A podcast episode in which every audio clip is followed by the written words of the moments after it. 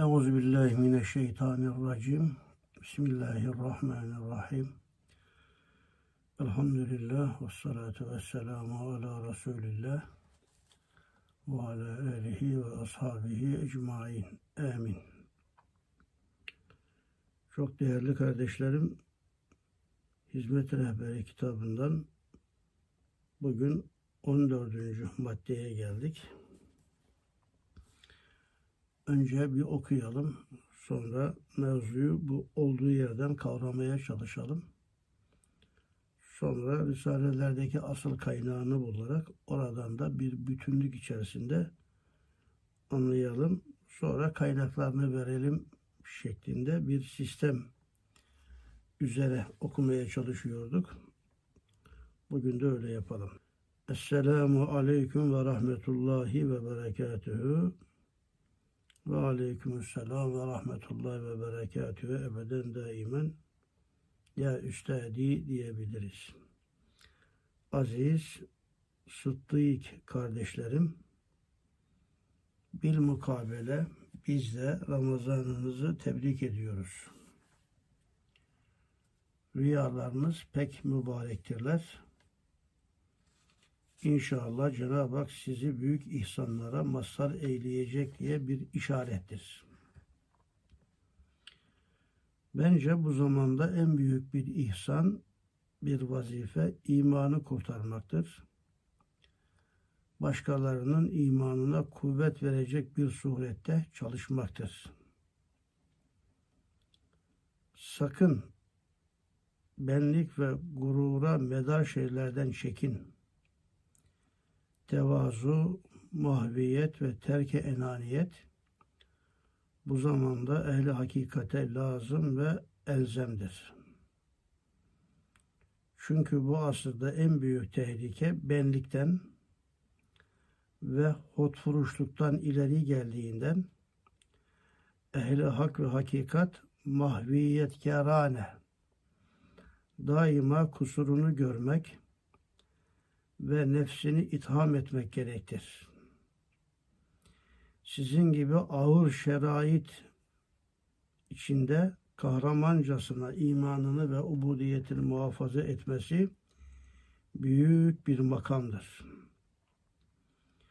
Madem sizde büyük bir himmet ve kuvvetli bir iman var, tam bir ihlas ve tam bir mahviyetle sebatkerane Risale-i Nur'a şakit ol. Ta binler belki yüz binler şakitlerin şirketi maneviye uhreviyesine hissedar ol. Ta senin hayırların, iyiliklerin cüz'iyetten çıkıp küllilesin. Ahirette tam karlı bir ticaret olsun.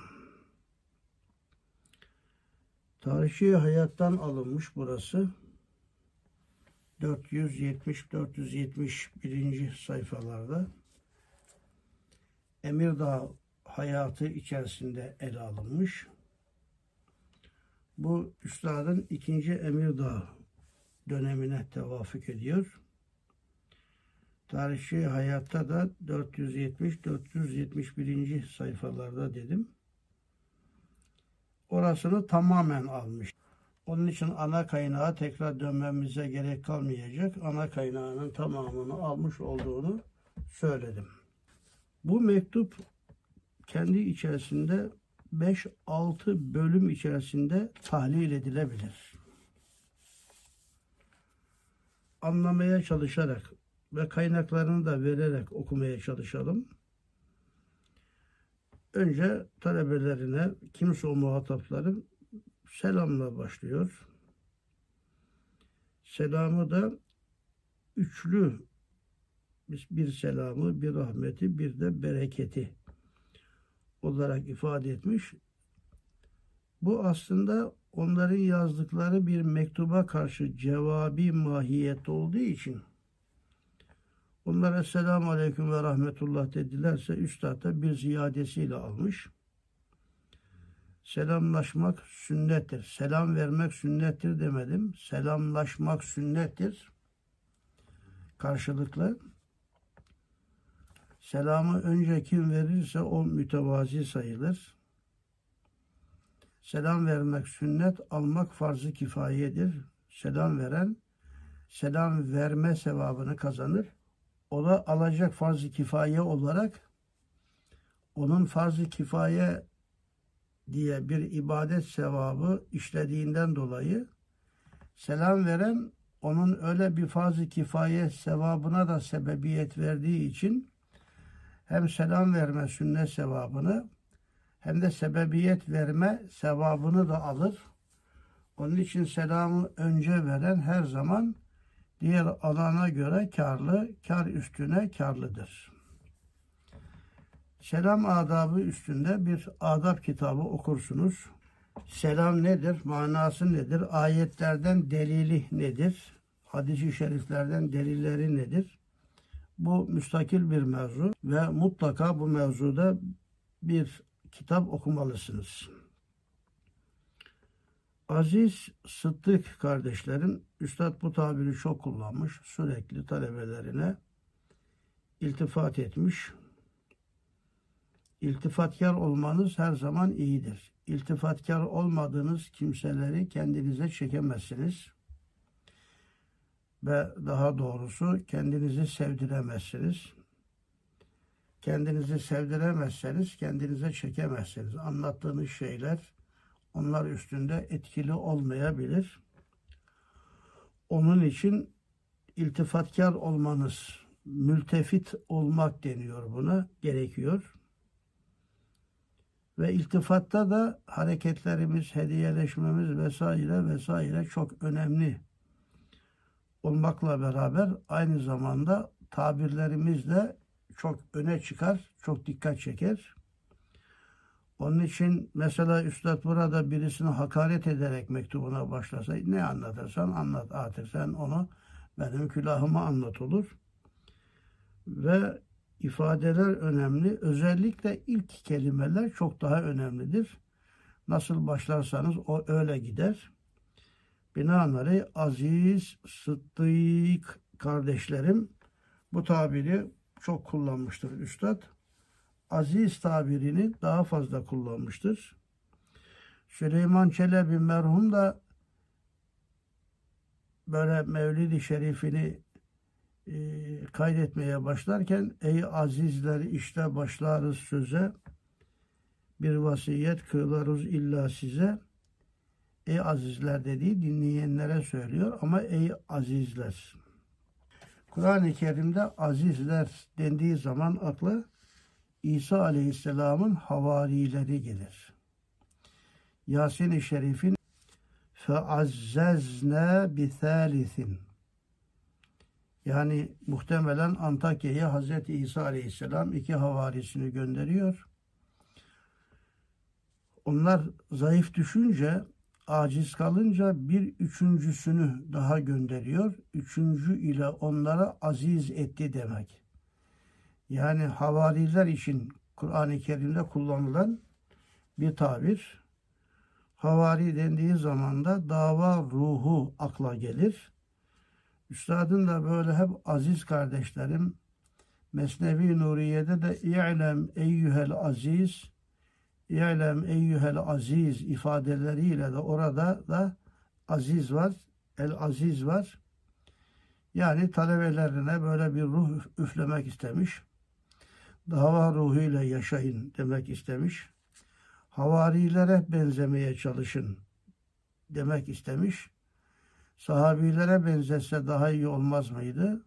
Sahabi artı havari ruhu demektir bu.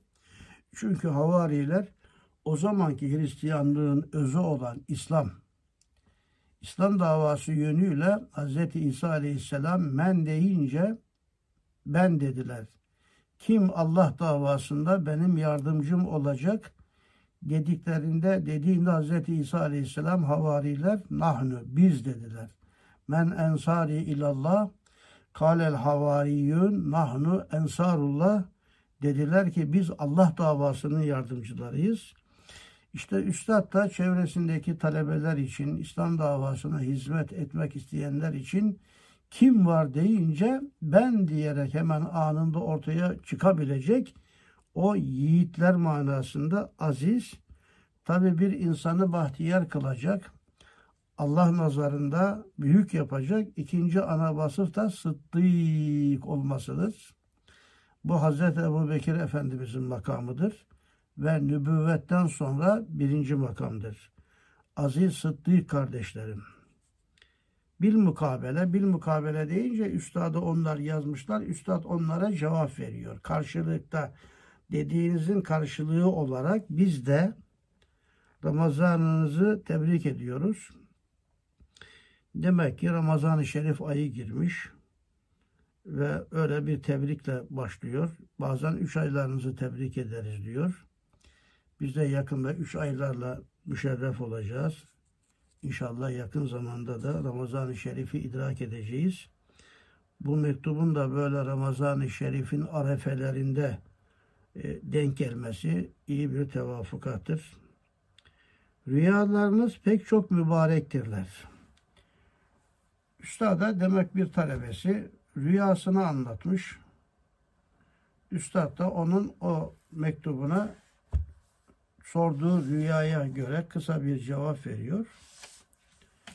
Risalelerde rüya ile alakalı bir bölüm var. Onu okumanızı tavsiye ederim. Şu anda rüya bahsi üstünde genişçe duracak değilim. 28. mektubun birinci risale olan birinci kısmında rüya bahsi var. İn kuntum lirru'ya ta'burun Hazreti Yusuf Aleyhisselam'ın hayatı içerisinde geçen siz rüya tabir ediyorsunuz dedi. iki tane genç hapiste rüya görmüştü. Hazreti Yusuf Aleyhisselam'a da Cenab-ı Hak rüya tabiri etme ilmi vermiş. Tevilil ehadis ilmi bu.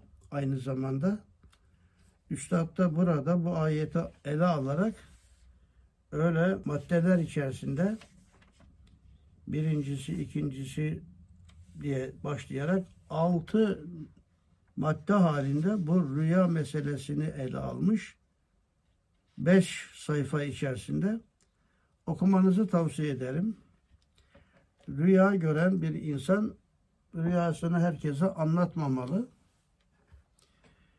Tabiri bilen, iyi tabir etmesi lazım geldiğini bilen bir insana anlatılmalı.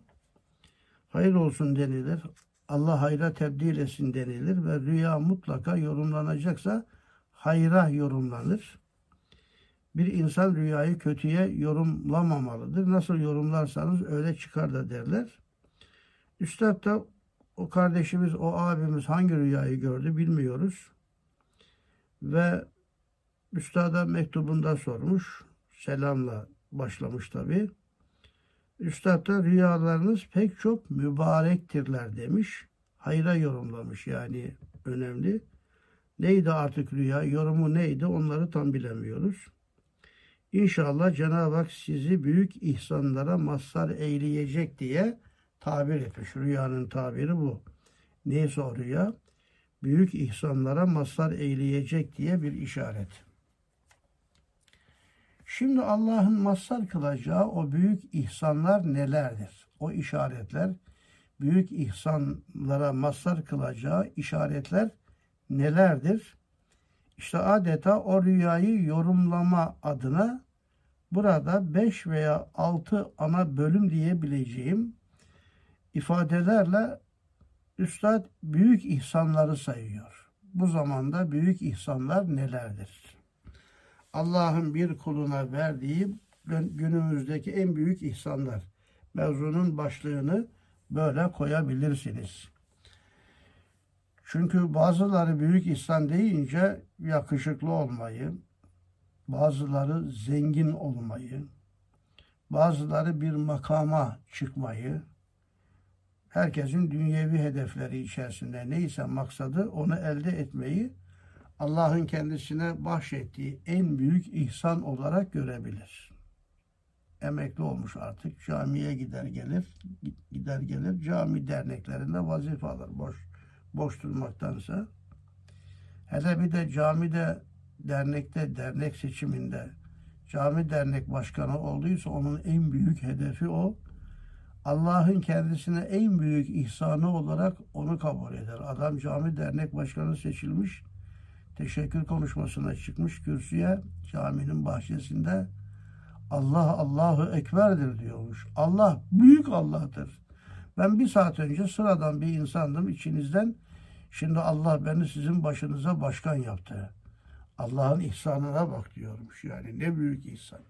Acaba Allah'ın özellikle o deccaliyet döneminde, üstadın yaşadığı deccaliyet dönemi, bizim yaşadığımız Süfyaniyet dönemi, Deccaliyet dönemi Mekke dönemi gibi, Süfyaniyet dönemi de Medine-i Münevvere'de Abdullah İbni Übey İbni Selül'ün Efendimiz'e muhatap olduğu dönem gibi bir dönemdir. Hangisi daha tehlikeli? Deccaliyet mi, Süfyaniyet mi? Kafirlik mi, münafıklık mı? Münafıklık daha tehlikelidir. Yani biz bir yönüyle Üstad döneminden daha ağır şartlarda bulunuyoruz. Aynı dönemler içerisindeyiz diyebiliriz. Üstad döneminde özellikle Deccaliyet döneminde de Allah'ın en büyük ihsanı burada 5-6 madde halinde sayılmış. Ben de maddeleştirerek açmak istiyorum. Madde 1. Siz de böyle tahlil edebilirsiniz. Bence bu zamanda en büyük bir ihsan, bir vazife imanını kurtarmaktır. Çok derin bir cümle bu. Yani zengin olmak, servet saman sahibi olmak, işte sürüler sahibi olmak filan, cumhurbaşkanı olmak filan değil. Bence bu zamanda en büyük bir ihsan, bir vazife imanı kurtarmaktır. Buna birinci maddenin A şıkkı deyin. B şıkkı başkalarının imanına kuvvet verecek bir surette çalışmaktır. Birinci ana mesele bu. İki şıkla bir iman sahip olmak, iki başkalarının imanını kurtarmak veya imanı varsa imanına kuvvet verecek şekilde çalışmak, öyle bir çalış, çalışabilme gücünü Cenab-ı Hakk'ın vermesi yine en büyük bir ihsan olarak Üstad tarafından ifade edilmiştir ki gerçekten bu çok önemli. Üstadın da hayatı hem kendi imanını kurtarmak için ve hem de başkalarının imanına yardımcı olmak, onların imanlarını kuvvetlendirmek için geçmiştir. Demek ki Üstad da büyük ihsanlara mazhar. Şimdi açılımında birkaç şey söyleyeceğim. Bir, Üstad da bu imanın en büyük ihsan olduğunu, kendisinin de böyle bir ihsana mazhar olduğunu anlatmak için Şimdi tam kaynağını söyleyemeyeceğim. Siz Risale arama modundan bulursunuz. Biz diyor ulûmu imaniyede fetva vazifesiyle tavzif edilmişiz. Tabir şöyle. Bu asırda imana ve Kur'an'a hizmet etme ihsan-ı ilahi tarafından omuzumuza konulmuş. Orada da ihsan-ı ilahi diyor. Yani imana ve Kur'an'a hizmet etmek ihsan-ı ilahi tarafından diyor omuzumuza konulmuş. İşte orada da ihsan var. Burada da orada omuzuna konulan ihsana dikkat çekmek, atıfta bulunmak için bence bu zamanda en büyük bir ihsan, bir vazife imanı kurtarmaktır. Başkaların imanına kuvvet verecek bir surette çalışmaktır. Değerli kardeşlerim bununla alakalı bazı kaynaklar vermek istiyorum. İmanlı olan bir insanı velayet derecesine çıkartmak mı? Yoksa imansızları imana gelebilecek o yol, o mantıkla mı çalışmak, hizmet etmek? İşte bu inceliği anlatmak için Üstad Hazretleri Kastamonu layıkasında 7. sayfada hemen daha başta evliya divanlarını ve ülemanın kitaplarını çok mütalaa eden bir kısım zatlar tarafından soruldu. Risaletün Nur'un verdiği zevk ve şevk ve iman ve izan onlardan çok kuvvetli olmasının sebebi nedir? Burada eski evliya divanları ile risalelerin farkına dikkat çektiği yerde üstad eski evliya divanları insanları velayet mertebesine çıkartmaya çalışıyordu. Halbuki Risale-i Nur her kim olursa ol bak gör, yalnız gözünü aç, hakikati müşahede et, saadet ebediyenin anahtarı olan imanını kurtar. Yani e, sınıfta mesela not alırken hep 10-10 almak mı? Onlar da önemli ama sıfır olan, bir iki olan zayıf dersi beş yapmak. Yani sınıftan geçebilecek bir noktaya getirmek mi? İşte burada o farklara genişçe dikkat çekiliyor.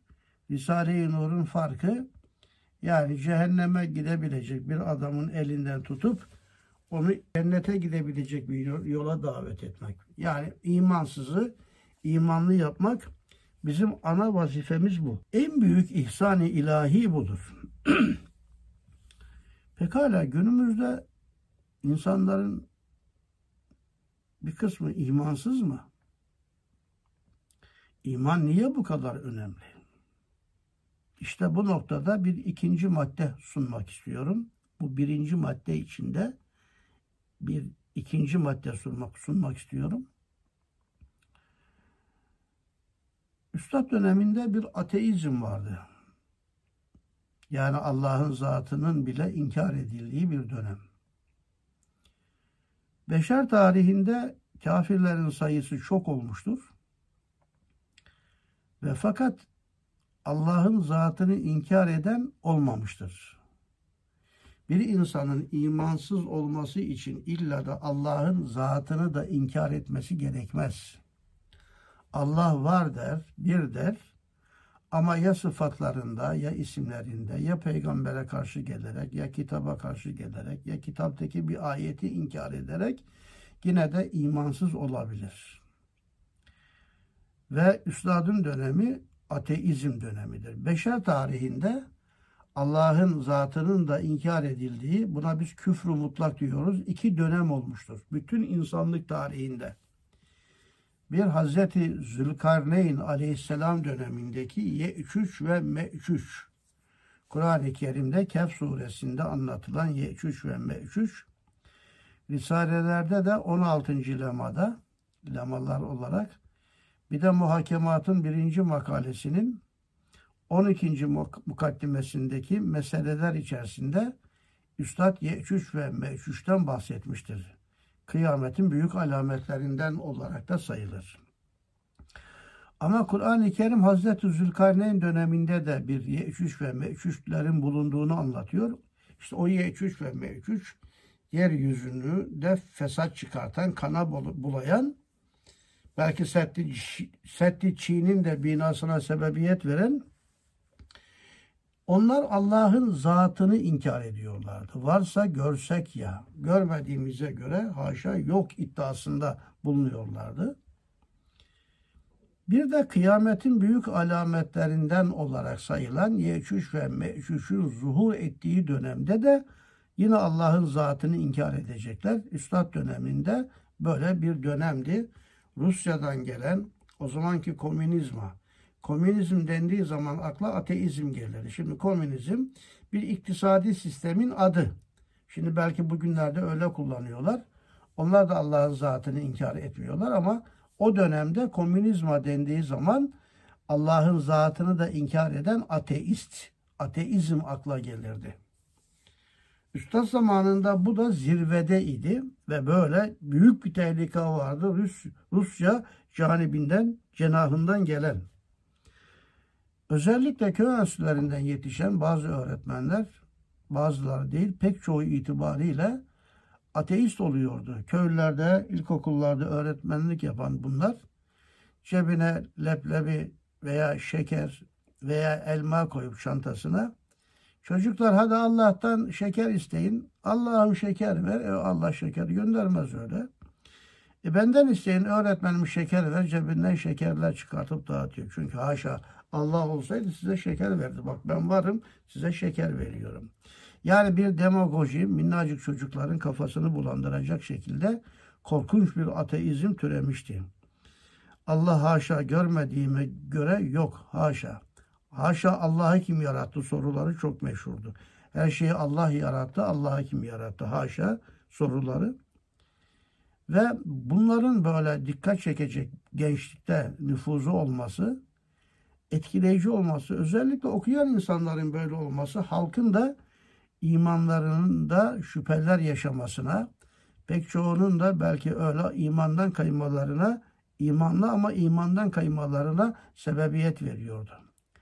İşte Efendimiz Aleyhisselam da bu felakete dikkat çekiyor. Müslüm'ün Fiten kitabında bir zaman gelecek ümmetim üzerine kişi evinden mümin çıkacak, akşam evine kafir olmuş olarak dönecek.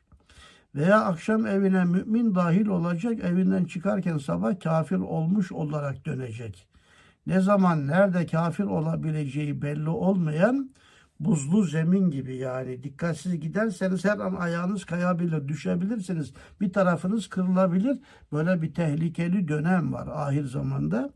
Üstad, Üstad öyle bir dönemde yaşamış ve Kastamonu layıkasında bir iki yerde de bulup okursunuz kaynak olarak buraya ilave ediyorum.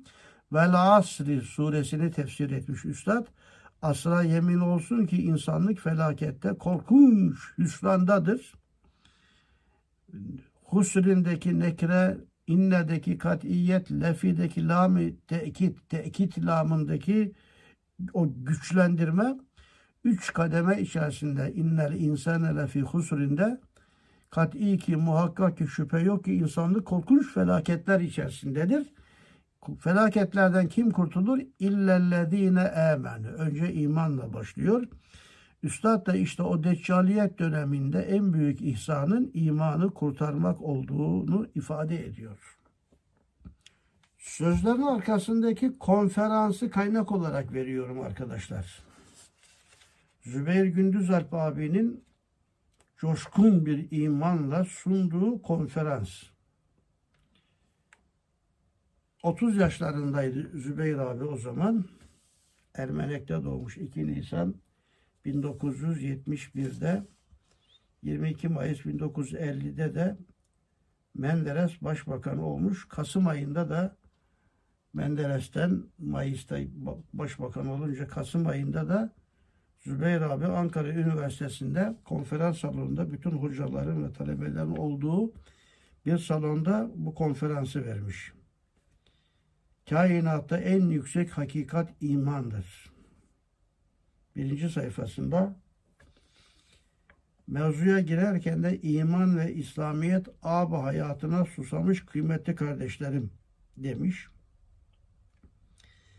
Bu asırda din ve İslamiyet düşmanları evvela imanın esaslarını zayıflattılar. Zayıflatmak ve yıkmak planını programlarının birinci maddesine koymuşlardır. Hususan 25 senede tarihte görülmemiş halde münafıkane bir dönemden bahsediyor. İman rükünlerinden birisinde hasıl olacak bir şüphe, bir vesvese tahkiki imana çevirecek, onlardan kurtulup imanı kuvvetlendirmek diyor bu zamanda. Ve şu tabirleri kullanmış. Bir binanın temeli sarsıldıktan sonra içini ne kadar süslersen süsle veya ağacın kökü kurumuş sen ağacın dallarına ilaç atıyorsun. Kökü kurumuş yani o ilacın ona bir faydası olmaz. İşte iman böyle bir köktür veya böyle bir temeldir. Sarayın temelidir. Bunlar sarsıldığı an ne kadar Müslümanlık anlatırsan anlat, ahlak anlatırsan anlat, ibadetten bahsedersen et. Bunların bir faydası olmaz. Temelde bu imanın sarsıldığına dikkat çekiyor. Ve oldukça önemli imanın tahkiki veya lüzumu ile alakalı o sözlerin arkasındaki konferansı okumanızı onu buraya ilave ediyorum. Kaynak açısından değerli arkadaşlar. Bence bu zamanda en büyük bir ihsan imanı kurtarmaktır. Diyebilir ki insanların şu içimizde imansız mı var ya? Herkes Allah diyor yani. Yani en ateist insan bile Mersin'de yer, yerel bir televizyon kanalında bir ateistle münakaşa yapan, yapılan bir programda zelzele oluyor, olmaya başlıyor canlı yayında. Allah Allah Allah Allah diye ateist kaçıyor zelzele olurken. Yani herkes Allah diyor aslında. Niye o zaman herkes imanlı ise bu imanı kurtarmak gayreti, gayret keşliği nedir? 82 senesinde gitmiştim. Orada Hatip Okulu öğretmenleri de gelmişler sohbete. 82 senesi. Hocam herkes imanlı. Yani şimdi bu imanı kurtarmak, iman iman ne ki filan dedi bir tanesi. Samimiymiş bu soru sormada. Şunları anlattım. Bu mevzuda şunları da ilave etmek isterim. İman sadece Allah'ın zatına iman değildir. Allah vardır ve birdir demek değildir. Kainatta bulunan bütün fiilleri de Allah'a vermektir. Ben elimi şöyle yaptım. Bunu yaratan Allah'tır. Gözümü kipriğimi oynattım. Bunu yaratan Allah'tır. Vel murselatu orfen mesela esen rüzgarlara yemin olsun. Rüzgarları estiren ve zeriyeti zerven atomun hareketi tozlaşması hareketi hareketinden meydana gelen değişik varlıklar bunlara yemin olsun. Ta güneşe yıldızlara kadar yani kainatta bulunan bütün fiilleri yaratan Allah'tır. Mesela iyi ki sen geldin. Sen gelmeseydin benim bu işim olmazdı diyen bir insanın iman durumu ne olur? İyi ki yağmur yağmadı. Yağmur yağ yağdı. İyi ki yağmur yağdı. Yağmur yağmasa e, işte otlarımız, tarlalarımız kuruyacaktı yani filan. Aç kalacaktı diyen bir insanın durumu ne olur? Yani fiilleri Allah'a vermektir. Sıfatlarını Allah'ın Allah'a vermektir. Önemlisi Allah'ın Rab ismini rububiyet makamında yani rububiyeti yönüyle de kabul etmektir. Tevhidi zat, tevhidi sıfat, tevhidi efal ve tevhid rububiyet olarak. Yani bir insan Allah vardır ve birdir dese, hatta camiye gitse, hatta Kabe'ye tavaf etmeye gitse, ama sonra Allah'ın bizler için terbiye olarak gönderdiği kanunları, dini kanunları hayatın terbiyecisi olarak değil de işte Firavun'un kafasından çıkarttığı kanunlar, KHK Firavun'un kafasından çıkarttığı kanunlar demektir. Veya 600 milletvekilinin kafasından çıkarttığı kanunlarla terbiye edilmeyi kabul etmesi bile rububiyette şirke gitmesi demektir. Öyle iman mevzusu çok derin bir mevzudur. Şirke gitmek, küfre gitmek de çok kolaydır. Onun için imanı bütün mertebeleriyle ele almak tevhid-i zat, tevhid-i sıfat, tevhid-i efal ve tevhid-i rububiyet noktalarıyla. Hazreti Ebu Bekir büyük bir ordu teşekkül ettiriyor ve Bizans'a gönderiyor. Yermük vakası. Tam Yermük vakası başlayacağı sırada Hazreti Ebu Bekir vefat ediyor. Hazreti Ömer halife intihap oluyor. Hazreti Ömer'in yaptığı ilk icraat Muhammed İbni Mesleme'yi harp meydanına göndermek oluyor. Süratlice git. Ben Halid'i kumandanlıktan azlettim. Onun yerine Ebu Ubeyde kumandan olsun. Muhammed İbni Mesleme yetişiyor tam. Harp de başlamış. Böyle tam o anda da kumandan değiştirme sebepler bazında kuvve-i maneviye açısından ordu için iyi gelmez diye sükut ediyor. Bir gün gibi kısa bir zaman zarfında Allah'ın izni keremiyle 40 bin kişilik İslam ordusu 240 bin silahça, malzemece fazla olan Bizans ordusunu tuz buz ediyor. Ve sonra Hazreti Ömer'in elçisi söylüyor ya Halid Ömer e, halife oldu ve seni kumandanlıktan azlediyor. Alıyor onu Medine-i Münevvere'ye getiriyor. Hazreti Ömer Hazreti Halid'e bakarak diyor ki Halid Allah şahit ki seni çok severim. Ama ben inanıyorum ki bu harplerde bizi muzaffer kılan düşmana karşı Allah'tır. Fakat bu cemaat hangi cemaat? Sahabi cemaati için korktuğu mesele bu. Bu sahabe yani bu cemaat inanıyor ki Halit başımızda varsa muvaffak oluruz. Halit yoksa mağlup oluruz. Allah'ın yarattığı galibiyeti senin şahsından bilmeye başladılar. Korkarım ki bu cemaat senin şahsından şirke gidecek. Onun için seni azlettim. Bu noktada meseleyi ele alın tevhid akidesi olarak Ya iyi ki filan var olmasaydı kurtulmazdık. Şimdi hala yine öyle. Yani şirkin o kadar çok envaı var ki onun için kendisini imanlı zanneden insanların pek çoğunun imansız olduğu hakikatiyle de karşı karşıyayız. Cenab-ı Hak bizlerin imanını muhafaza buyursun. İşte bütün bunların nazarı dikkate alarak imanlı olmak o kadar zordur ki arkadaşlar ve bu imanı bir de öleceğimiz ana kadar koruyabilmektir. Zaten ikinci madde yani birinci maddenin A ve B şıkları dedim. B şıkkında ise imanına kuvvet verecek şekilde çalışmaktır. İmanlı insanların imanlarını güçlendirmek, ayaklar, ayaklarının kaymaması için o buzlu zeminde kayıp da düşmemeleri için gayret sarf etmek zaten bu bizim omuzumuza ihsan-ı ilahi tarafından konulmuş diyor Üstad başka bir yerde. Önce bu hususun üstünde durmak istedim. Bu oldukça önemliydi. Cümle devam ediyor. Sakın yani kaçın demek, dikkatli ol demek. Benlik ve gurura medar şeylerden çekin. Tevazu, mahviyet ve terke enaniyet bu zamanda ehli hakikate lazım ve elzemdir. Çünkü bu asırda en büyük tehlike benlikten ve hotfuruşluktan geldiğinden ehli hak ve hakikat mahvi, mahviyet kerana daima kusurunu görmek ve nefsini ittiham etmek gerektir. Burası da bu ana bölümün, bu, bu mektubun ikinci ana bölümüdür. Burada iki mesele var yine A ve B şıklarıyla değerli arkadaşlar. A şıkkı eğer bir insan imana hizmet ederken veya kendisi imanlı olsun diye gayret sarf ederken benlik içinde, gurur, kibir içerisinde bulunursa onun zıttı olan tevazu ve mahviyet ve terke enaniyete esas almazsa iman onun sırtında içinde çok uzun süre durmayabilir. Yani kibirle, gururla iman birbirlerine zıt şeylerdir. Onun için yedinci şu adın başında geçen bir kutsi hadis El azametü ridai vel kibriyâ'ü izâri Azamet benim e, ridamdır, kibriya da izarımdır.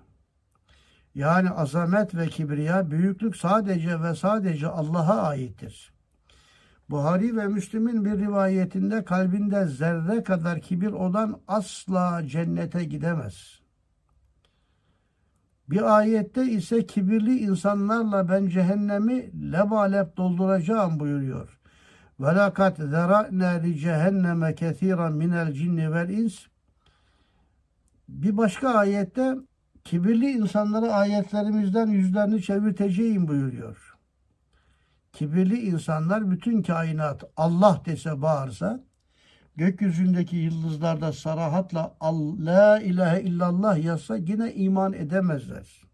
Seasrifu an ayati yellezine yetekebberune fil ardı bi gayril hak ve in yarav külle ayetin la yu'minu biha.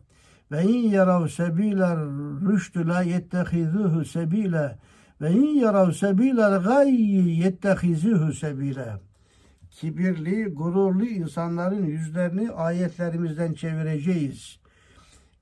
Onlar bütün kainat Allah dese yine Allah diyemeyecekler, iman edemeyecekler. Ve bir rüşt, bir hidayet yolu görseler sülük edemeyecekler. Ama gayyaya giden bir cehennem yolu olsa hemen sülük edecekler. Yani ayette kibirli insanların yüzlerini Allah ayetlerimizden çevireceğiz diyor. Burada da yukarıda en büyük ihsan imandır. İmanı kuvvet verecek şekilde çalışmaktır dedikten sonra benlikten, gururdan e, ve ona ulaştıracak şeylerden kaçın diyor. Yani eğer bir insan gururlu, kibirli olursa imanlı olamaz. İmanlı olsa bile o iman onda uzun süre devam etmez.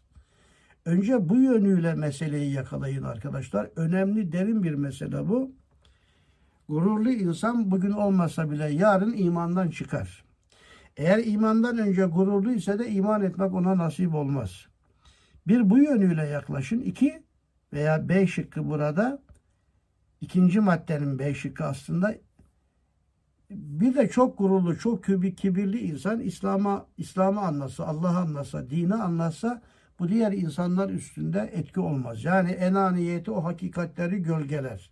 Bu yönüyle zaten daha önceki mektuplarda bu hizmet rehberinde geçmişti.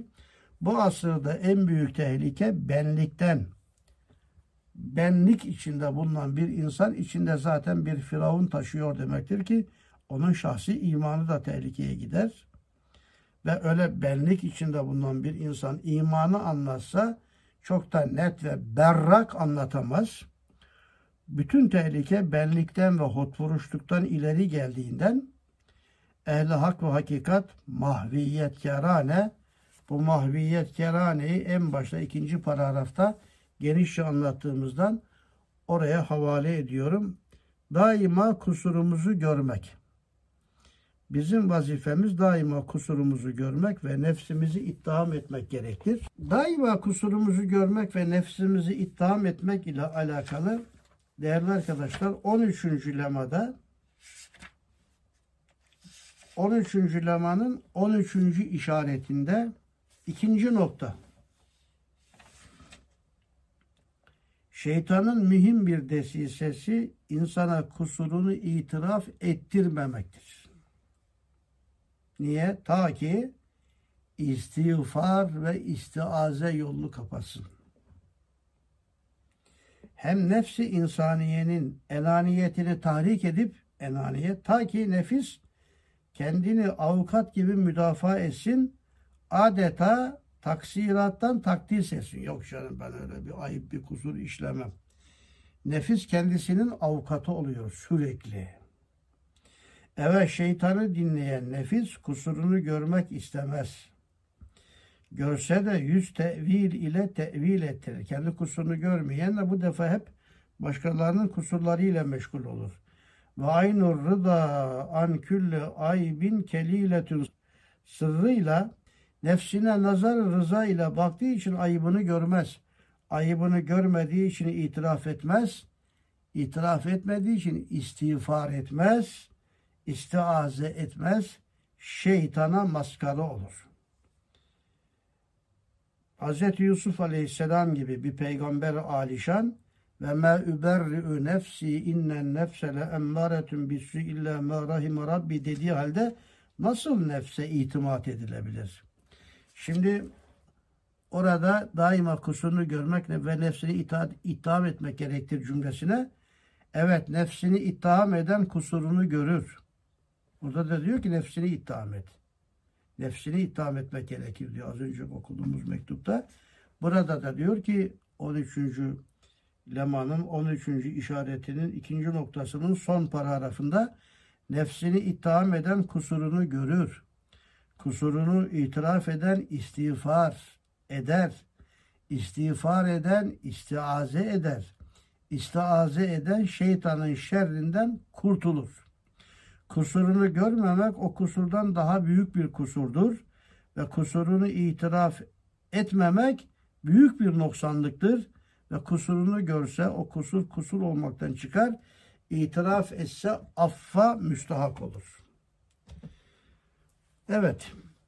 Üçüncü madde buraya göre geldim. Sizin gibi ağır şerait içinde kahramancasına imanını ve ubudiyetini muhafaza etmesi büyük bir makamdır.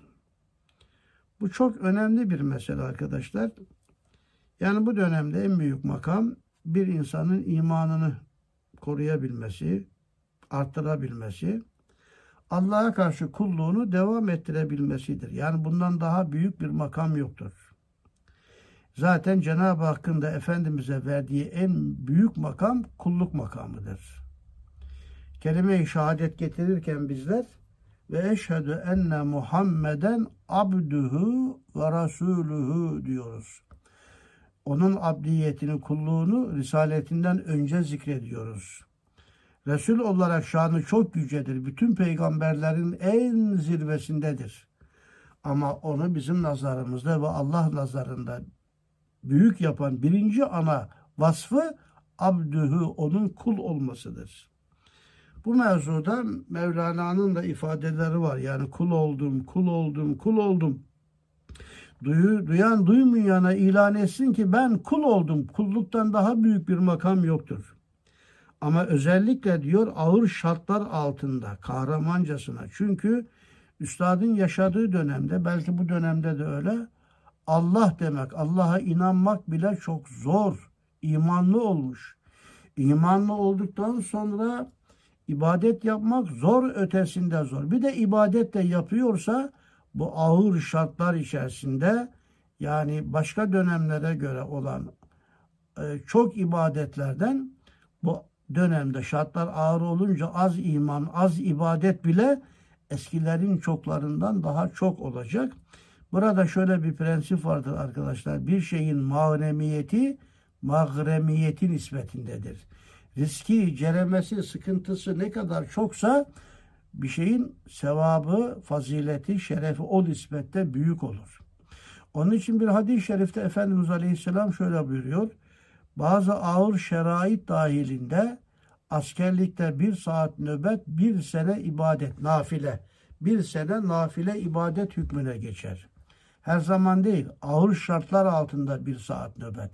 Ağır şartlar ne olur? Mesela harp zamanıdır. Tam düşmanın karşısında avcı hattındadır. Gece vaktidir. Soğuk sıfırın altındadır. Yani bu ağır şartlar içindeki bir saat bir de harp zamanı değil. Hava gece değil, soğuk değil. Böyle şehrin içerisinde elma ağaçları, gül bahçeleri içerisinde badem ağaçlarının altında nöbet tutuyorsun. Düşman yok, bir şey yok. E, badem yiyorsun, gül içerisinde gül kokluyorsun ama nöbettesin. Onunla o diğerinin bir saatleri aynı olmaz. İşte Deccaliyet döneminde, Süfyaniyet döneminde imanlı olabilmek. Ama o az önce özetlemeye çalıştığım o gerçek imana sahip olabilmek o kadar zor ki sizin gibi ağır şerait içinde kahramancasına imanını ve ubudiyetini muhafaza etmesi büyük bir makamdır diyerek o da Allah'ın lütfettiği büyük ihsanlardan birinci cümlede bence bu zamanda en büyük bir ihsan dediği o büyük makam bir de odur. Madem sizde büyük bir himmet, bu himmet mevzusu da arkadaşlar tarihçi hayatta özetle geçiyor. Tarihçi hayatta özellikle Hutbe-i Şamiye'de insanların himmetlerinin nefislerine, menfaatlerinin nefislerine kullanması karşılığında bir insanın himmetini yüce yapması. Altıncı madde Hutbe-i Şamiye'de İslam dünyasının çöküşünün altı sebebine dikkat çekmiş. Yeisin içimizde hayat bulup dirilmesi, sıtkın hayatı içtimaiye siyasiyede ölmesi, adavete muhabbet, ehli imanı birbirine bağlayan nurani rabıtaları bilmemek, çeşit çeşit sari hastalıklar gibi intişar eden istibdat ve menfaat şahsiyesine himmeti hasretmek. Himmet, biz himmet dendiği zaman hizmetlere para vermek anlarız. Sadece o değildir himmet. Himmet ufkun yüceliği. Büyük şeylere bel bağlamak. Gayesinin, davasının gayesinin çok yüce olması ve nazarını o büyük davanın en zirvesine dikip aradaki küçük şeyleri görmemek. Yani himmetin âli olması bu, budur. Bu çok önemli bir mesele. Yani buradaki madem size büyük bir himmet kelimesindeki himmeti anlayabilmek için bu altıncı kelimenin izahı olan Hutbe-i Şamiye'deki o yeri incelemenizi, okumanızı tavsiye ederim. İnsanların kıymetleri himmetleri nispetindedir. Kimin himmeti bir milletse o tek başına bir millettir. Onun için İbrahim Aleyhisselam'a Cenab-ı Hak millettir. Millete İbrahim Hanife. İbrahim bir fert ama bir millet olarak anlatılmıştır. Çünkü yüce insan idealleri çok yücedir. Ahir zamanda gelecek peygamberi için bile dua etmiş. Allah'tan ne istemişse kendisine hepsi de verilmiştir. Bu tarihçi hayatın içinde bir parça ilk hayatı döneminde Hutbe-i Şamiye'den alıntılar yapılmış. Hutbe-i Şamiye müstakil bir kitaptır. O kitap bulup okumanız lazım. Bu himmet bahsi orada yani vaktim müsait olsa himmet kelimesi üstünde bir sohbet yapardım. Madem sizde büyük bir himmet ve kuvvetli bir iman var, o rüyasını tabir ettiği abiye söylüyor. Onların şahsından hepimize. Tam bir ihlas. Demek ihlas var. Yarım yamalak ihlas, az bir ihlas ama bir de burada üstadın dediği tam bir ihlas. Tam bir ihlas nedir? Hem 20. hem 21. lemadaki anlatılan ihlasa sahip olmak. Bu cümleyi ezberleyin. Hem 20 hem 21. lemadaki temel ölçülerdeki ihlasa sahip olmak. Hem imanda hem amelde hem davada ihlaslı olmak ve tam bir mahviyetle tam bir mahviyet. Bu mahviyet üstünde durmuştuk Said toprak gibi tam mahviyet diye geçti ikinci paragrafta oraya bakın. Sebat kerane Risale-i Nur'a şakir ol. Yani iman mevzularında meşgul ol. Ta binler belki yüz binler şimdi bu beşinci maddeye geldim. Risale-i Nur'a şakir oldan sonra gelen cümle burada beşinci ana bölümdür. Ta binler belki yüz binler şakitlerin şirketi maneviyi uhreviyelerine hissedar ol. Ta senin hayırların, iyiliklerin cüz'iyetten çıkıp küllilesin, ahirette tam karlı bir ticaret olsun diyor. Değerli arkadaşlar, Kastamonu layıkasında hemen o da yine başlarda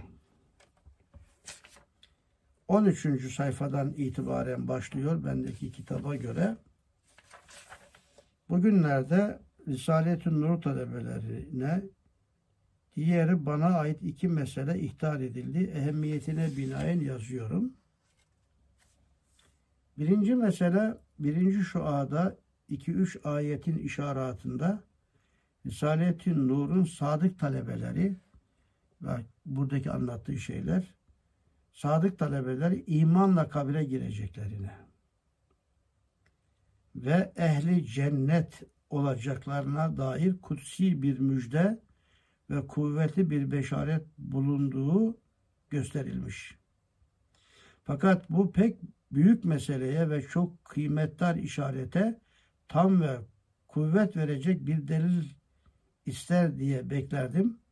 Çoktan beri muntazırdım. Lillahi ilham iki emare birden işte bu iki emare bu yerin açıklanması kalbime geldi. Birinci em emare imanı tahkiki ilmel yakin aynel yakinle e, böyle insanda iyice rusul peyda ederse bunda hakkal yakine yaklaştıkça daha selbedemeyeceğine imanının ehli keşif ve tahkik hükmetmişler ve demişler ki sekarat vaktinde şeytan vesvesesiyle ancak akla şüpheler verir, tereddüde düşürür.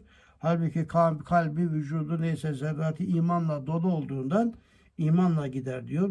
Atladım yani orasını okursunuz. İkincisi bu imanı tahkikinin usulüne vesile bir yolu velayeti kamile ile keşif ve şuhut ile hakikate yetişmektir. Bu yol hassu havasla mahsustur. Şuhudi imandır. Yani nur talebelerinin bu noktaya çıkacağını gösteriyor. İkinci yolda anlatıyor imanı bir gayb cihetiyle. İkinci emare